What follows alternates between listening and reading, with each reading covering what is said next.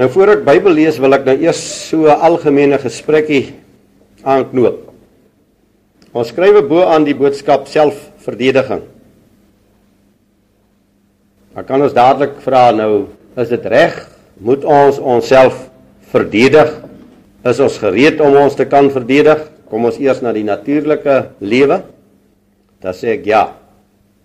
Ons moet baie gereed wees om onsself te kan verdedig want ons het baie vyande.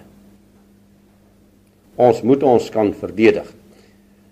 Die kinders is so besig op hierdie terrein, maar party dae wonder ek of dit nie nodig is dat hulle so 'n bietjie dinge moet leer tot selfverdediging. Want dit is so belangrik. Het ons sulke voorbeelde in die Bybel? Natuurlik het ons sulke voorbeelde in die Bybel. Op die natuurlike vlak van die lewe dat ons ons sal verdedig. Dink julle dat koning Dawid het die dag toe hy teen Goliat te staan gekom het en in die naam van Jawe homself en sy volk verdedig het. Dink julle dit was die eerste dag dat hy met 'n slingervel gegooi het? Nee, toe was hy al baie handig. So hy het geoefen. Dit was nie maar sommer nie dat Dawid daar aangekom het nie. Dit was nie maar sommer dat hy 'n slingervel kon hanteer nie. Hy was geoefen daar en hy was voorberei. Hoe reageer ons mense as ons aangeval word, as ons deur die vyande aangeval word? Party skrik hulle heeltemal uit hulle verstand uit. Weet jy wat hulle moet doen nie? Hoeveel tree reg op? En bo al, hoeveel is so geoefend met dit wat hy wel met sy hande kan doen? Dat hy nog altyd in die naam van Jahwe dit met sy hande kan doen. So in ons selfverdediging. Is dit nie ek nie? Ek kan hoeveel handvaardigheid hê. Ek kan hoeveel vinnige bewegings doen. Maar as ek teen 'n vyand te staan kom, dan moet ek myself kan verdedig in die naam van Jawe. En dan sal die almagtige God die vaardighede wat hy aan my gegee het en waarin ek my geoefen het gebruik. Of het ons die idee dat ons nooit kan aangeval word? Dat ons ons nooit sal hoef te verdedig teen vyand nie. Teen die barbare van Afrika. Hoe gereed is ons in selfverdediging? Hoeveel van ons wat vanaand hier sit kan 'n wapen hanteer? Steek bietjie die hande op. Ek praat met die kinders, nie met die groot mense nie. Hoeveel van ons kinders kan hulle kan alle wapen hanteer? Baie dankie. Ek wil nou vir u as ouers vra. Ek vra dit op band. Ek vra dit die lande. Dink jy dis nodig? Dink u nie dat dit nodig is besonderlik by hierdie skool dat ons ons kinders sal leer om 'n wapen te kan hanteer? Alles is dalk net op punt 22. Ek vra, ek wag vir 'n antwoord. Definitief. Ek dink werklik geliefdes, dit het tyd geword dat ons wakker word. Dat ons ons kinders handvaardigheid leer, selfverdediging leer. As iemand jou vasgryp van agter af, wat doen jy? Hoe reageer jy? Of skrik jy jou net lam en daar lê jy? Ja. Hoe gereed is ons? Kan ons 'n wapen hanteer? Julle sal onthou baie 'n paar jaar gelede was dit 'n 14-jarige dogtertjie in Rhodesia wat haar ouers verdedig het met 'n wapen. Sy kon 'n geweer hanteer. Sy het 'n groot geweer hanteer. So ons moet hierdie dinge kan doen. Ons moet weet hoe.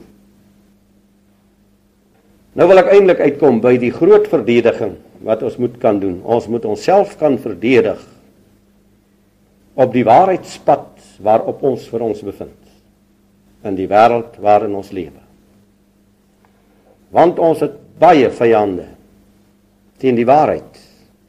Daar's baie vyande vanaand wat die Bybel gebruik, maar wat 'n vyand is van die waarheid van die Bybel. Kom ons lees Handelinge 24. Onthou die tema selfverdediging. Selfverdediging.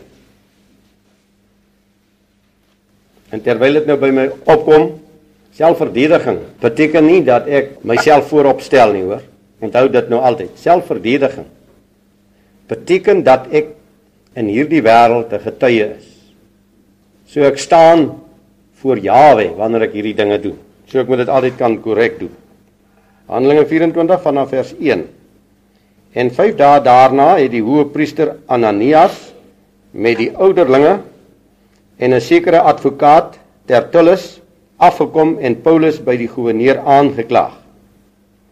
En toe hy opgeroep is, begin Tertullus hom beskuldig en sê dat 'n groot vrede deur u hoogedele Felix ons te beurt val en dat daar hervorminge deur u voorsorg in elke opsig en oral in hierdie nasie tot stand kom. Neem ons met alle dankbaarheid aan. Hy smeer nou eers lekker heuning om hierdie mond van hierdie hoogedele Felix. Maar nou om u nie te lank op te hou nie, versoek ek u om ons in u vriendelikheid kortliks aan te hoor. Want ons het gevind dat hierdie man, dit is nou Paulus, 'n pes is en 'n verwekker van oproer onder al die Judeërs in die wêreld en 'n voorman van die sekte van die Nasareëners wat selfs probeer het om die tempel te ontheilig. Ons het hom gevange geneem en wou hom volgens ons wet oordeel. Maar Lysias, die owerste oor 1000, het gekom en hom met groot geweld uit ons hande weggeneem. En bevel gegee dat sy beskuldigers voor u moet kom. Van hom sal u self na ondersoek kennis kan verkry van al hierdie dinge waarvan ons hom beskuldig. En die Judeërs het ook saamgestem en gesê dat dit so was stop net hier so 'n oombliekie. Jy moet oplet, ek verander die woord Jode na Judeërs. Paulus is nie beskuldig deur ander buitekant, hy is beskuldig deur sy eie mense. Net soos wat dit vanaand waar is dat ons eie volksmense Christene op papier skrywe dat ons is van die duiwel. En nadat die goewerneur vir hom gewink het om te praat, het Paulus geantwoord: Omdat ek weet dat u oor hierdie volk al baie jare lank regter is, verdedig ek my saak met goeie moed. Aangesien u te wete kan kom dat dit nie meer as in 12 dae is vandat ek opgegaan het om in Jerusalem te aanbid nie. En hulle het my nie in die tempel gevind besig om met iemand te praat of 'n opstand van die volk te verwek nie en ook nie in die sinagoges of in die stad nie. En hulle kan ook die dinge waarvan hulle my nou beskuldig nie bewys nie.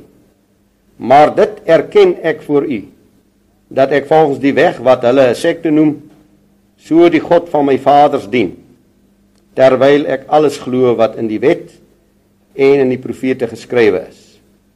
En 'n hoop op God het. 'n hoop wat hulle self ook verwag dat daar 'n opstanding sal wees van die dode regverdiges sowel as onregverdiges daarom oefen ek my ook om altyd voor God en die mense in rein gewete te hê.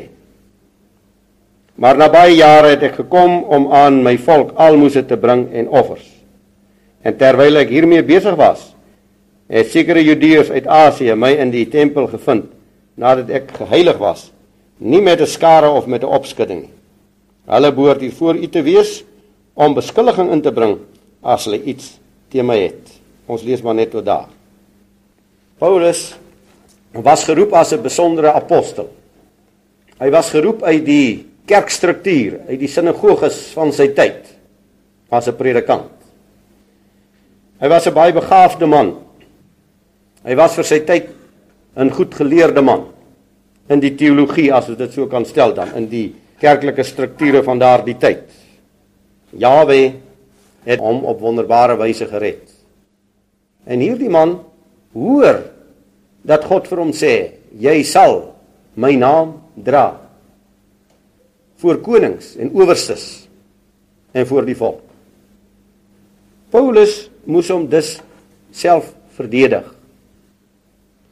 Hy moes in die wêreld van sy tyd homself verdedig. Hy moes dit wat hy ontvang het van God verdedig teenoor sy eie volksgenote. Nou dis nie so maklik nie.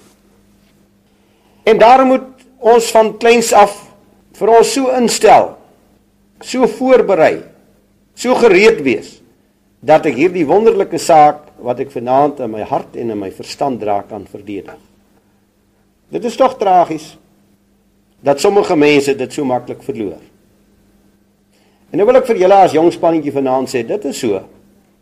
Daar is jong mense wat hierdie waarheid in hulle lewe ontvang het. Maar dan knoop hulle 'n verhouding aan met uh, 'n uh, vriend of 'n vriendin en die sit in 'n ander kerkstruktuur en van hulle verloor net daarso die waarheid. So dit is so belangrik dat ek en jy eerstens vir selfverdediging 'n baie baie vaste fondasie sal hê.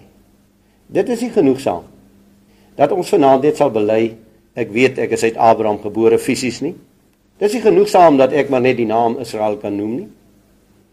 Ek moet hierdie woord of sekere dele van die woord so helder ken dat ek self verdediging kan doen. Dat ek my kan verdedig teen die mense wat sê jy's van die duiwel of jy verdraai die skrif of jy verstaan nie die skrif nie. Nou vir julle wat nog heel klein is, is dit moontlik moeilik om vanaand te begryp wat ek sê, maar julle wat al groter is, julle moet vir julle daarop instel net soos wat jy die skool uitstap, jou bekwaamheid in 'n sekere rigting om sekere dinge te kan gaan doen en 'n bewys kan lewer van jou studie. Want as jy nie 'n bewys kan lewer van jou studie nie, sal jy nie verder kan aangaan in die rigting wat jy wil aangaan. Net so moet ek en jy 'n sekere basis en 'n sekere kennis hê sodat ons ons in hierdie wêreld kan verdedig.